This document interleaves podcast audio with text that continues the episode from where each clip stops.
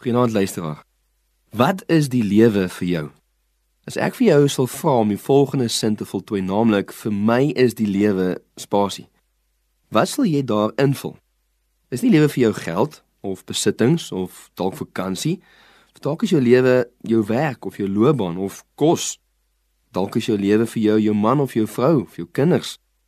Dalk is die lewe vir jou sport of visvang of plesier? Nou as jy vir Paulus sou vra om nie die sin te voltooi, sou sy antwoord baie vinnig en duidelik gewees het. Om die waarheid te sê, ons het sy antwoord op hierdie vraag in Filippense 1 vers 21. Hoe wat sê hy? Hy sê vir my is die lewe Christus en die sterwe wins. Daar was een ding wat vir Paulus saak gemaak het in sy lewe, Jesus. Paulus se hele bestaan het gesentreer rondom Jesus Christus. Jesus was Paulus se alles gewees. Jesus was Paulus se lewe. Om Jesus te ken, hom lief te hê, hom te dien soos hy te word, hom te verheerlik, hom te verkondig en hom te geniet, dit was die lewe vir Paulus gewees.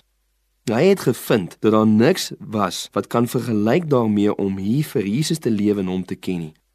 Sien omdat die lewe vir hom Christus was, daarom sê hy dan ook dat die dood vir hom 'n wins sal wees. Hy sê vir my is die lewe Christus en die sterwe wins.